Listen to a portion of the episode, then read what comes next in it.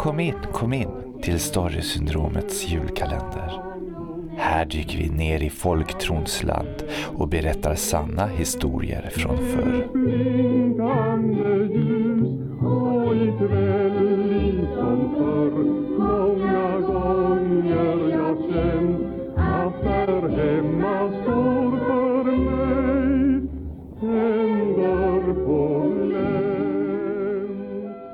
På några ladugårdsmarken utanför Lund låg förr i tiden en gård som hette Hutthej, där en rik men elak och mycket våldsam herre bodde, Hutthejherren, som samlade på stora skatter med hjälp av djävulen, åt vilken han sålt sin själ.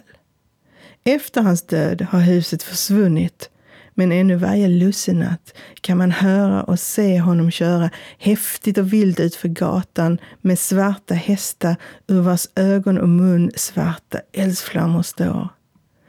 Ibland stannar han till och då lyser de hästarna som av tusen tända ljus innan han fortsätter söderut.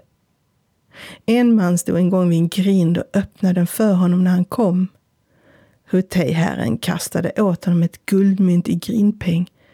Men när mannen fick det i handen brände det tvärs igenom och föll till marken. Det sägs att han fortfarande far runt på lussenatten, vilsen bland studentbebyggelsen på ladugårdsmarken. Och man ska akta sig för att ta emot hans guldmynt, även om man är en fattig student.